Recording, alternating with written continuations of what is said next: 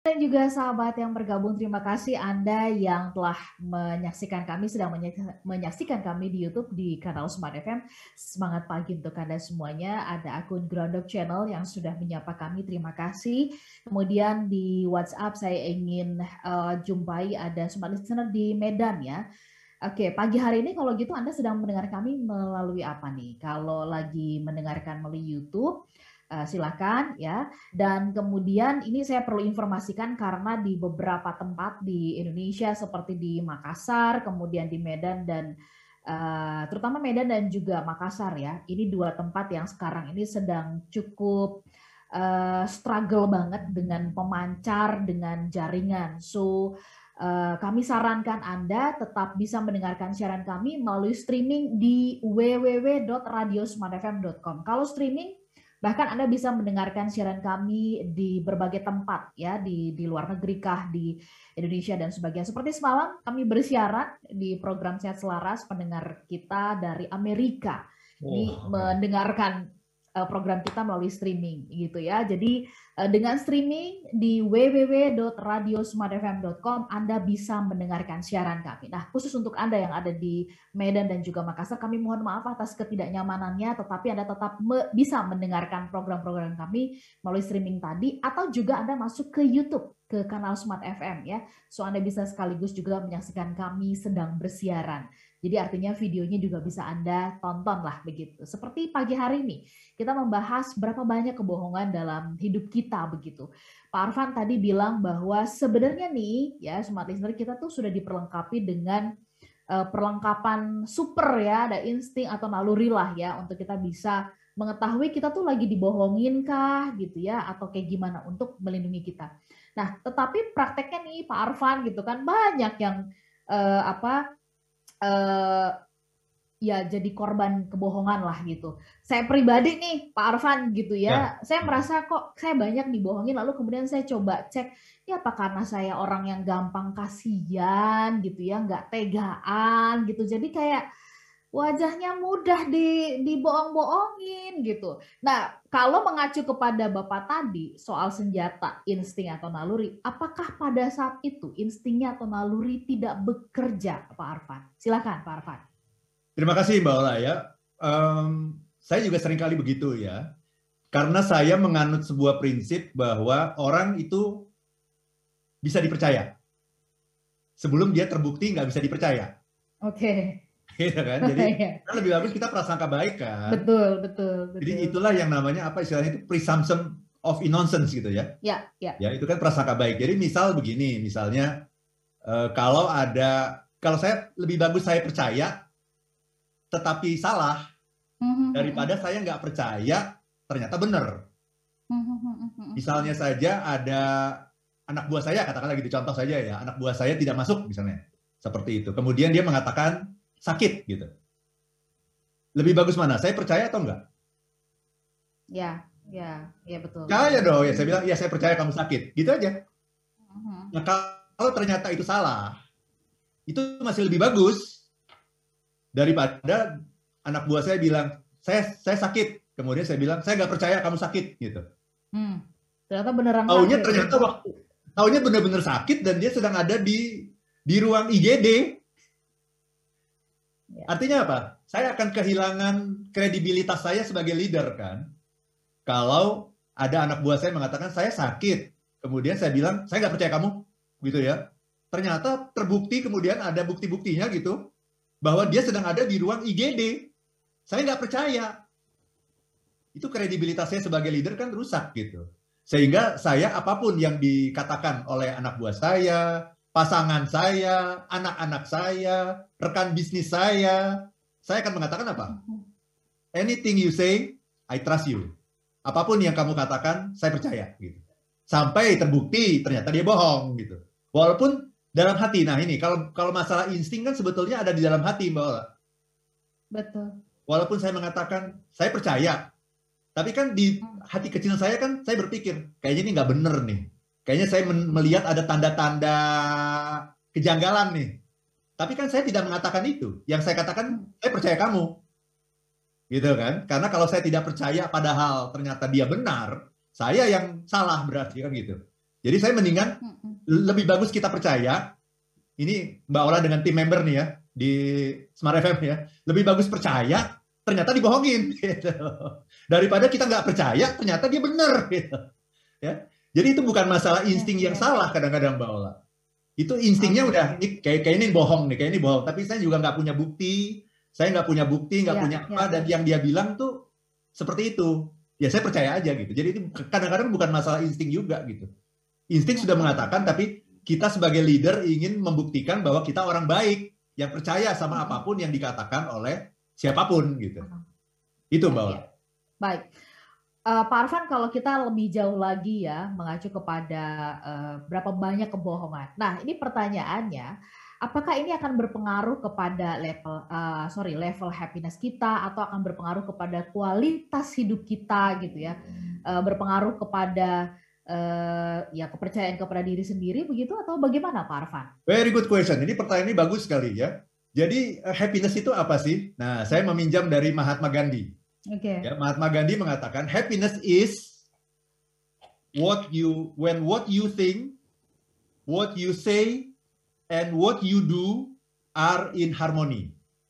Hmm, hmm, hmm. Jadi happiness itu kata Mahatma Gandhi adalah ketika apa yang Anda pikirkan, yang Anda katakan dan yang Anda lakukan itu berada dalam harmoni sejajar gitu. Itu kita akan memperoleh kebahagiaan gitu. Nah, kalau kita berbohong, itu semuanya beda semua. Apa yang kita pikirkan beda, yang kita katakan beda, yang kita lakukan beda. Kita yang ada di depan panggung, front stage, dengan kita yang ada di belakang panggung, backstage, itu berbeda. Nah, ketika terjadi perbedaan, maka ada sebuah bisikan kepada diri kita sendiri, Mbak Ola. Ada sebuah bisikan karena manusia itu didesain oleh Tuhan itu kan dengan hati nurani yang bersih sesungguhnya. Hati nurani ya. yang selalu ingin kepada kebaikan. Bukan hanya hati nurani, bahkan tubuh kita sendiri, Ola, berontak ketika kita berbohong itu. Coba lihat, tubuh kita berontak dan saya sering kali mengamati. Ini selain insting, saya juga punya skills dan saya kira semua orang punya skills seperti ini untuk mengamati setiap orang yang bohong. Salah satu cirinya adalah mata tidak berani melihat. Gitu. Jadi hmm. tadinya menatap gini, terus tahu-tahu begitu bohong dia melengos matanya ke melihat ke tempat lain. Itu salah satu tanda. Tapi ada orang yang sudah tahu tanda tanda itu, dia tidak melakukan itu, tapi tetap muncul tanda yang lain, misalnya tangan menutupi mulut gini, tahu-tahu mendadak gini, ya itu dia. Ya, hmm. tahu-tahu keringetan, jantung berdebar, tahu-tahu matanya banyak banyak ngedip gini bawah. Oke. Itu tanda tuh ya. Ya, atau sen iya. senyum tapi kita kok tidak mendapatkan kesegaran dalam senyumnya senyum yang fake gitu, senyum yang palsu. Atau yang yang yang menarik, kan orang juga sering kali menutupi dirinya ya Mbak Ola ya. Tahu-tahu hidungnya gatal. Hmm. Dia terpaksa harus garuk-garuk hidung. Ini kan sudah tidak tertahan dan ini sebuah gerakan yang tanpa disengaja. Pertanyaannya, kenapa hidungnya gatal? Hmm. Karena ternyata ketika kita berbohong, tubuh kita berontak dan memproduksi yang namanya adrenalin. Nah, adrenalinnya banyak, akhirnya hidungnya gatal. Jadi yang ingin saya katakan adalah um, ketika kita berbohong itu sesungguhnya ada bisikan di telinga kita bahwa eh kamu bukan orang baik, eh gitu. Eh, kamu bukan orang yang jujur. Eh, kamu tuh orangnya cuma pencitraan aja. Sebenarnya kamu nggak sebaik itu kan? Kamu kan nggak sepinter itu kan sebenarnya kan? Kamu tukang bohong, eh gitu. Hmm, hmm, hmm, itu yang bisikin kita itu diri kita sendiri masalahnya. Ya. Sehingga kita tahu bahwa kita tidak seperti orang yang kita citrakan itu. Dan itu akan mengurangi kepercayaan diri kita, kepercayaan diri apa? kepada diri kita sendiri gitu. Jadi sering kali kan orang mengatakan kamu bisa kamu bisa menjadi ini dan itu.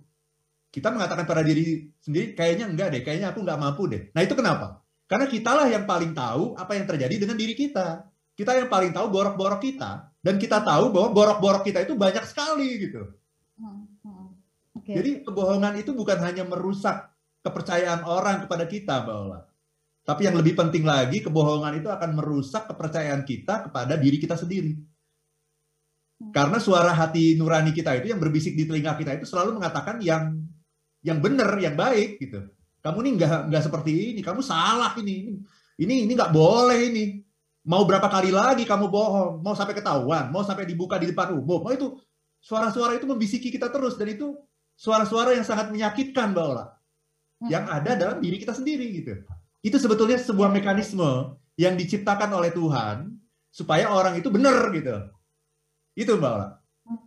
Oke, Pak Arfan, uh, ketika kita uh, mengetahui ya uh, ada sebuah kebohongan gitu, apa yang sebaiknya harus kita lakukan ya? Uh, apakah itu terhadap diri sendiri ya kebohongan di di lingkungan kita ya mungkin di antara pertemanan di keluarga di, dengan pasangan begitu. Apa yang harus kita lakukan? Bijaksananya tuh mesti gimana? Diam aja ya. Biarkan karena ya saya nggak rugi-rugi amat kok dia ngebohonginnya siapa gitu. Atau kemudian secara uh, ya persuasif kita coba mendekati orang tersebut kita ingetin begitu. Tapi kan lagi-lagi tuh tadi seperti yang Pak Arfan katakan belum tentu juga kan orang kalau dikasih tahu seperti kayak gitu tuh dia akan terima gitu ya. ya. Uh, nah, kira-kira menurut Bapak apa yang harus kita lakukan ya? Kita bahas nanti di sesi berikutnya ya. Siap, ya. Ya, siap, listener dan juga sahabat yang bergabung, masih ada kesempatan di satu sesi yang terakhir ya. Pergunakan untuk Anda berbagi bersama dengan kami bicara tentang kebohongan. Berapa banyak lagi kebohongan yang harus kita buat? Tadi Parvan sudah sampaikan, kebohongan yang semakin menumpuk, menggerus level kebahagiaan kita. Kita sambung nanti perbincangannya di satu sesi yang terakhir. Listener dan juga sahabat yang bergabung, terima kasih ya uh, Anda terus bersama-sama dengan kami. Ini uh, saya selalu mengibaratkan perbincangan Smart Happiness ini itu seperti kayak mesin diesel lah gitu ya. Panas tuh di belakang gitu kan. saya minta maaf nanti kalau nggak semuanya bisa saya bacakan ya. Saya menyapa dulu deh Ibu Laniwati Hartono di Lampung. Ya, rata-rata katanya orang mengatakan 2-3 kebohongan dalam 10 menit. Ini kata dokter Gerald Jelisan gitu ya. Jadi hmm. jangan jadi pembohong karena daya ingatnya bisa lemah. Oke, Ibu Lani sendiri gimana nih? Berapa banyak dalam sehari? Kemudian uh, ada Pak Karmoses, uh, gimana kalau berbohongnya untuk kebaikan orang lain? Ini termasuk yang nanti saya mau tanyakan kepada Pak Arfan ya. Kalau kita tahu tentang kebohongan, ada kebohongan, bagaimana sikap kita ya? Kemudian ada uh, dari Tangerang, sayang namanya nggak dibuat ya. Saya cukup lama hidup dengan orang yang sering berbohong dengan pasangannya karena menutup kesalahan gitu ya. Pertanyaannya orang berbohong tuh bisa berubah nggak sih Pak Arfan gitu ya? Uh, terus kemudian uh, saya beberapa kali dibohongi dari nilai yang kecil hingga ratusan gitu. Nah, uh, kalau saya proses hukum nanti anak-anak dan pasangannya makan apa? Ini berarti termasuk yang tadi itu ya. Kalau saya tahu ada kebohongan uh, mau besar mau kecil begitu, apa yang harus saya lakukan? Oke, kemudian juga ada smart listener yang mengatakan percaya itu mudah yang tidak yang tidak mudah itu dipercaya katanya seperti itu. Oke.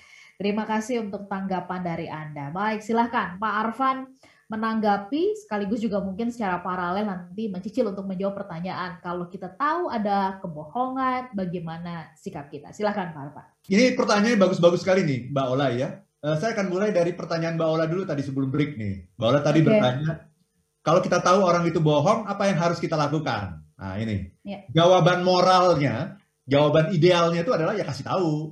Kan tugas kita adalah mengajak orang kepada kebaikan kan gitu.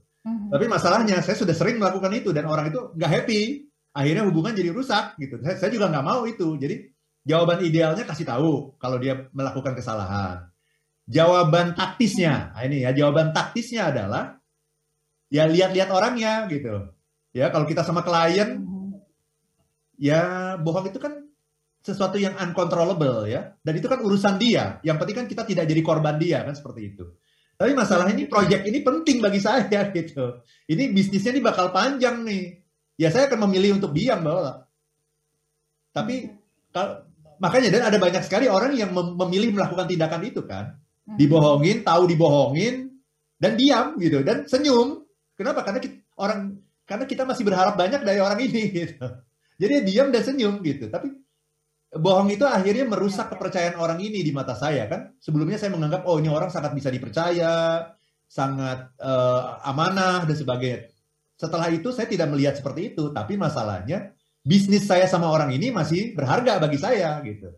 Jadi hati-hati teman-teman ya kalau ada orang yang kalau Anda bohong itu orang bisa menangkap kok sebenarnya gitu karena Tuhan sudah memperlengkapi kita dengan naluri, dengan keahlian-keahlian uh, apa alamiah gitu ya untuk bisa melihat tanda-tanda kebohongan. Ya, itu hmm. jawaban saya untuk pertanyaan Mbak Ola sebelum kita break tadi ya, Mbak Ola ya. Kemudian um, nah ini ada yang mengatakan tadi uh, Ibu Lani daya ingat lemah gitu ya. Betul. Karena kita akan selalu ingat-ingat, eh kemarin ngomong apa ya kita ya gitu ya. Jadi ketika ada orang yang bertanya, kita selalu mengingat-ingat, kemarin saya ngomong apa ya? Jangan sampai omongan saya hari ini beda sama omongan saya yang kemarin. Nah, itu susah hmm. sekali loh. Kalau orang berbohong itu sulit sekali gitu untuk bisa untuk bisa konsisten dalam kebohongan gitu. Nah, kemudian berbohong untuk kebaikan orang lain. Nah, ini dia. Ketika kita berbohong, um, apakah ada yang namanya white lie? Ada. Tapi dengan catatan, jangan kemudian segala sesuatu dijustifikasi sebagai white lie. Nah, ketika kita mau berbohong, seandainya nih, dalam tanda petik mau berbohong, kita harus lihat. Ini untuk kepentingan siapa gitu. Siapa yang diuntungkan dari kebohongan ini? Kalau yang diuntungkan adalah orang lain, itu namanya white lie. Kalau yang diuntungkan adalah orang lain. Oke. Okay. Ya, misalnya anak saya datang ke saya, ya kemudian mengatakan bahwa e, kayaknya nih eh, nilai-nilai saya semuanya jelek, misalnya gitu ya. Kemudian e, saya nggak bisa mengikuti pelajaran, gitu ya Nah, walaupun saya tahu itu benar, walaupun saya tahu itu itu benar, saya akan mengatakan yang sebaliknya gitu. Kenapa? Karena saya ingin menyemangati dia, karena saya tidak ingin dia uh, jadi putus asa gitu. Jadi saya tetap mengatakan kamu bagus kok, ini bisa kok sebenarnya. Walaupun saya tahu dia nggak bisa gitu. Ya, jadi ini ini uh, kita harus selalu lihat ini yang namanya white lie itu yang untung itu orang lain gitu, bukan bukan kita gitu. Yang untung itu orang lain gitu ya. Dan uh, satu hal lagi juga sesungguhnya tidak semua pertanyaan itu harus dijawab loh, bahwa kan kita sering kali menyangka setiap pertanyaan harus dijawab kan. Benar nggak Mbak gitu? Ya. Nah, karena setiap pertanyaan setiap... harus dijawab, akhirnya saya bohong. Padahal tidak semua pertanyaan perlu kita jawab begitu.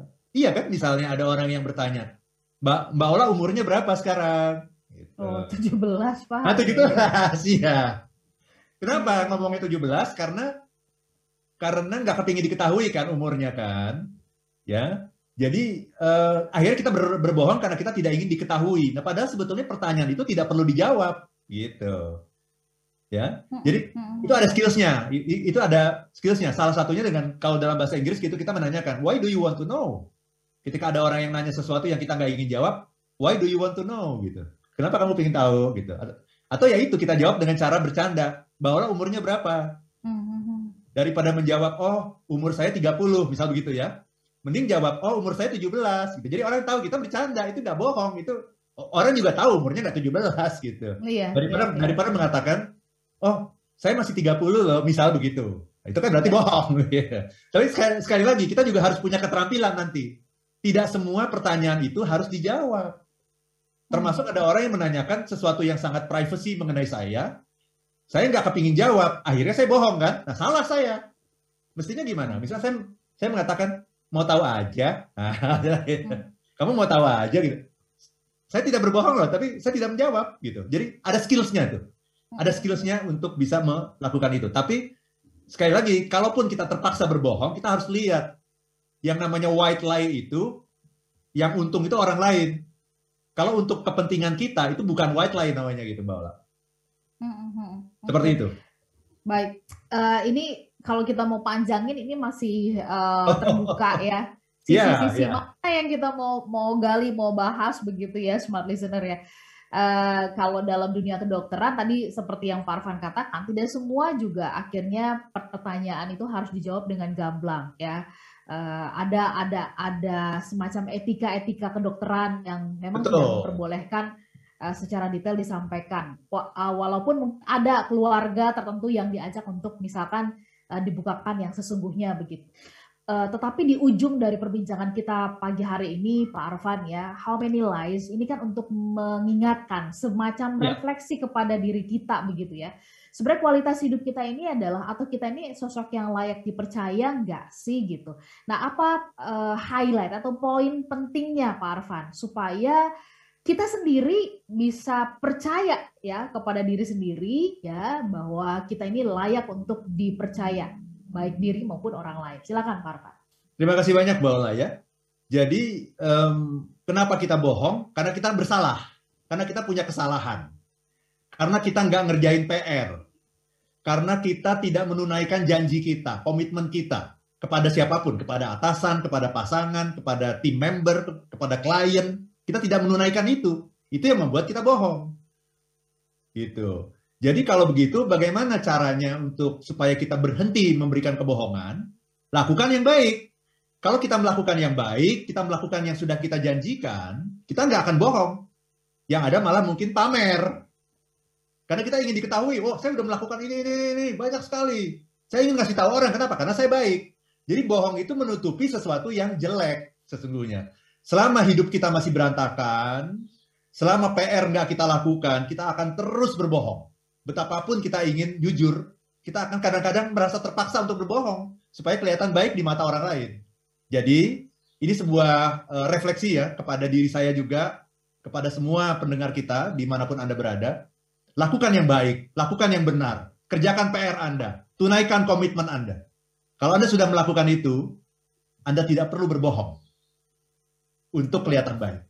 Ya, baik. Anda bahkan ingin pamer untuk kepada semua orang bahwa aku sudah melakukan yang aku janjikan. Itu Mbak Ola. Siap.